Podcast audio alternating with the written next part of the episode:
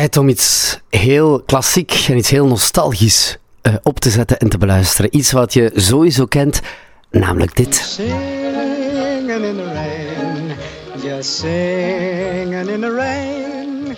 What a glorious feeling, I'm happy. Singing in the Rain, gezongen door de legendarische Gene Kelly met muziek en dat heb ik moeten opzoeken van Nakio Herb Brown. Het is niet voor mij niet de bekendste uh, componist, uh, Dirk. Nee, is ook zo. Um, is ook zo. Eigenlijk uh, het ontstaan van deze film is eigenlijk heel toevallig. Ehm, er waren een aantal producenten die ook componeerden. En die een aantal liedjes hadden en die zeiden van ja, we zouden toch iets moeten doen om, om, om, om liedjes kwijt, kwijt te geraken. We hebben het uiteraard over de film Singing in the Rain, dat hebben we nog niet gezegd.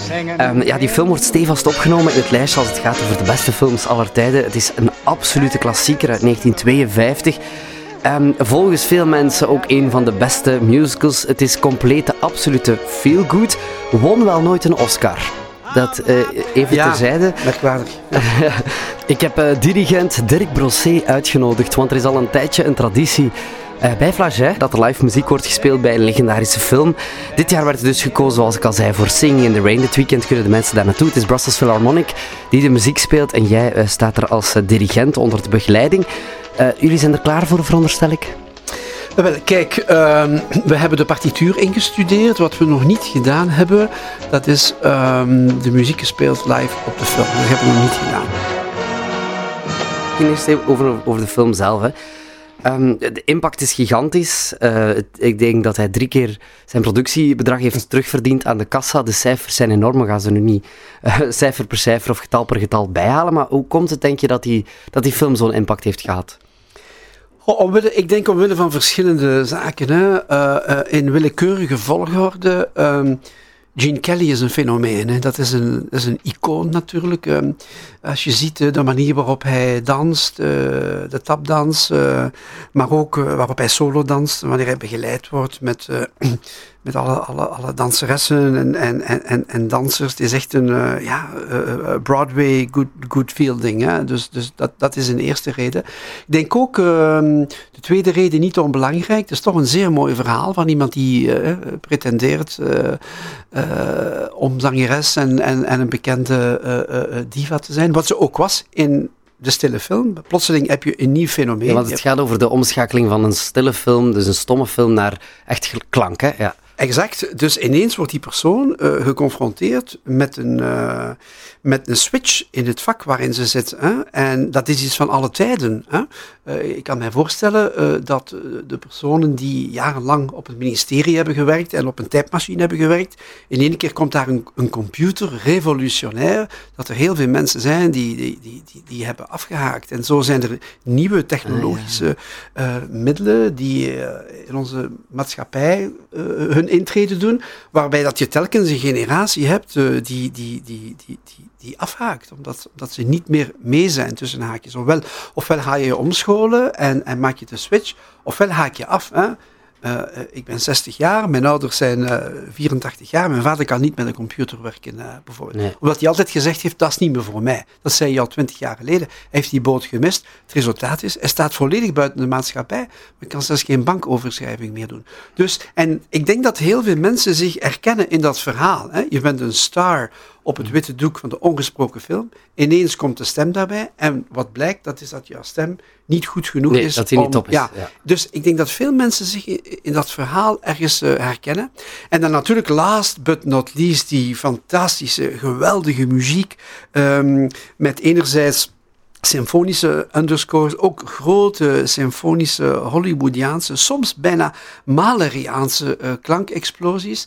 En dan tegelijkertijd heb je ook binnen dat orkest eigenlijk een kleine big band zitten. En dat komt doordat de, de orchestrators hebben beslist om vijf saxofonen eraan toe te voegen. Dus je hebt een ritmesectie, je hebt de klassieke koperblazers uit het orkest, maar plus die vijf saxofonisten, dan krijg je ineens een, een, een big band à la Glenn Miller.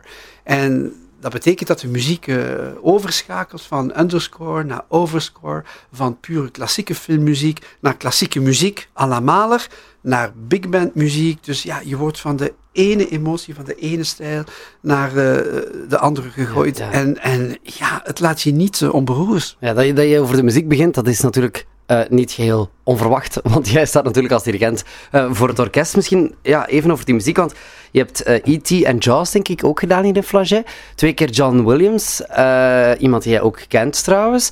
Um, hoe, dit is toch andere muziek, hè? Dit, Singing in the Rain. Ik vond het heel jazzy klinken. Um, omdat, ja, dit is natuurlijk hoe het op mij afkomt. Ik ben niet geleerd of geletterd in de muziek. Uh, hoe anders is het dan, uh, dan jazz bijvoorbeeld, of dan E.T., wat dan heel, heel mooi is en heel feeriek bijna? Precies. Ik denk het grote verschil is dat de muziek van John Williams sluit aan bij het collectief geheugen collectief geheugen uh, is eigenlijk een verlengstuk van klassieke muziek. Uh, John Williams haalt heel over vaak... Star Wars, Jurassic Park en ga maar door. Hè? Die Harry, haalt, Harry Potter zelfs. Ja. Exact, die haalt heel veel zijn inspiratie uit klassieke partituren. Hè? Uh, Gustav Holst, om er maar één te noemen, maar ook, ook Mahler en ook Prokofjev. Dat zijn zijn grote voorbeelden, zeer narratieve muziek. Dus die muziek, ook al ken je ze niet, ook al hoor je ze voor de eerste keer, heb je toch het gevoel dat je die al kent. Ah, ja, Dus het is eigenlijk mainstream muziek die aansluit bij, bij de klassieke muziek, die daar eigenlijk een verlengstuk van is, en die aansluit bij het collectief uh, geheugen. En dat is natuurlijk voor een orkest, uh, voor de meeste orkesten in de wereld, uh, gevoelens fressen. Hè? Maar als u mij vraagt naar het verschil met deze muziek, hier komen we in een compleet andere stijl terecht. Een van de nummers duurt 25 minuten en dan ga je van de ene stijl naar de andere. Van uh, Broadway muziek naar French cancan, naar een stukje tango, dan weer naar een stukje uh, bossa nova-achtig iets. Dus dat betekent dat je, dat je een heel flexibel orkest moet hebben, die niet alleen in al die uh, verschillende ritmes en in verschillende configuraties zijn ding kan doen, maar die ook nog een keer in elke, elke stijl kan spelen. En ik moet zeggen, Brussels Philharmonic, ik zou dat met geen andere, ander orkest durven doen. Uh, uh, ah, niet dat andere orkesten niet goed zijn, maar Brussels Philharmonic, die, die, die één, dat is het allereerste orkest, denk ik, in, in, in, in Vlaanderen, in België en bij uitbreiding misschien zelfs in Europa, die uh, dat soort van werk heeft gedaan, twintig jaar geleden al, hè, mede door de samenwerking met het Filmfestival Gent. Dus we doen mhm. dat eigenlijk al 25 jaar. Het zit in hun DNA.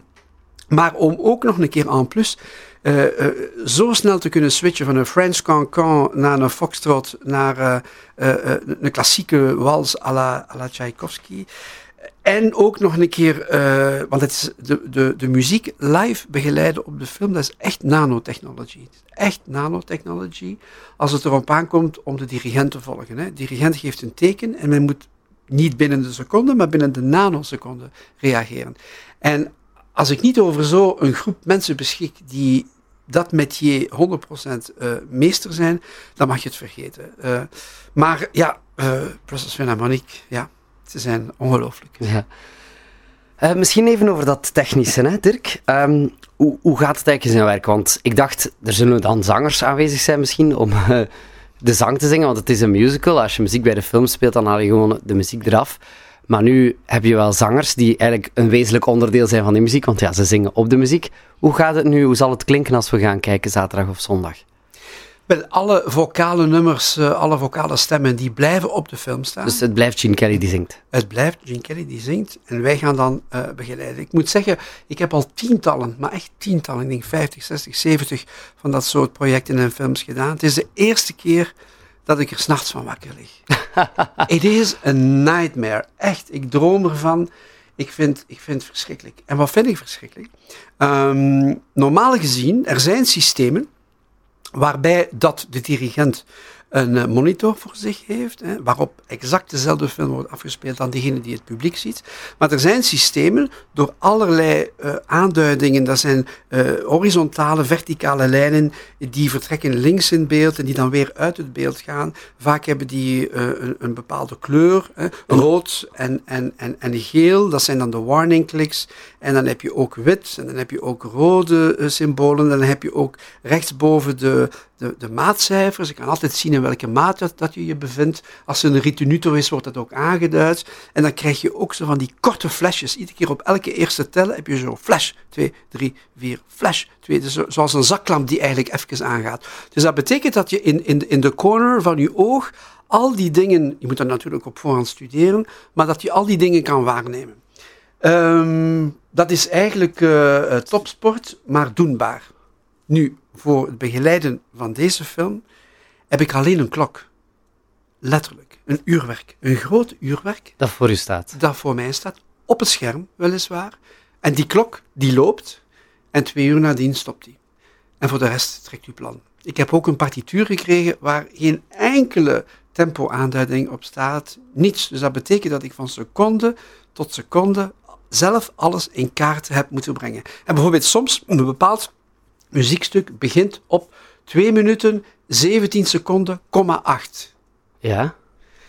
Ja, ik weet niet. Uh, dus een seconde is al 1, 2, 3. En, en dat moet je dan nog eens verdelen in 8. In 8 stukken. Ja. Of in 10. 1, 2, 3, 4, 5, 6, 7, 19. Ik kan het zelfs zo snel niet, niet opzeggen. Dus dat betekent dat je soms gewoon, ja, gewoon in het water moet springen en, en, en op het goede moment en het gewoon moet doen. Ik kan het een beetje vergelijken met, ik zit in een, in een, in een sportwagen die 180 per uur op Francorchamps aan het rijden is. Hè?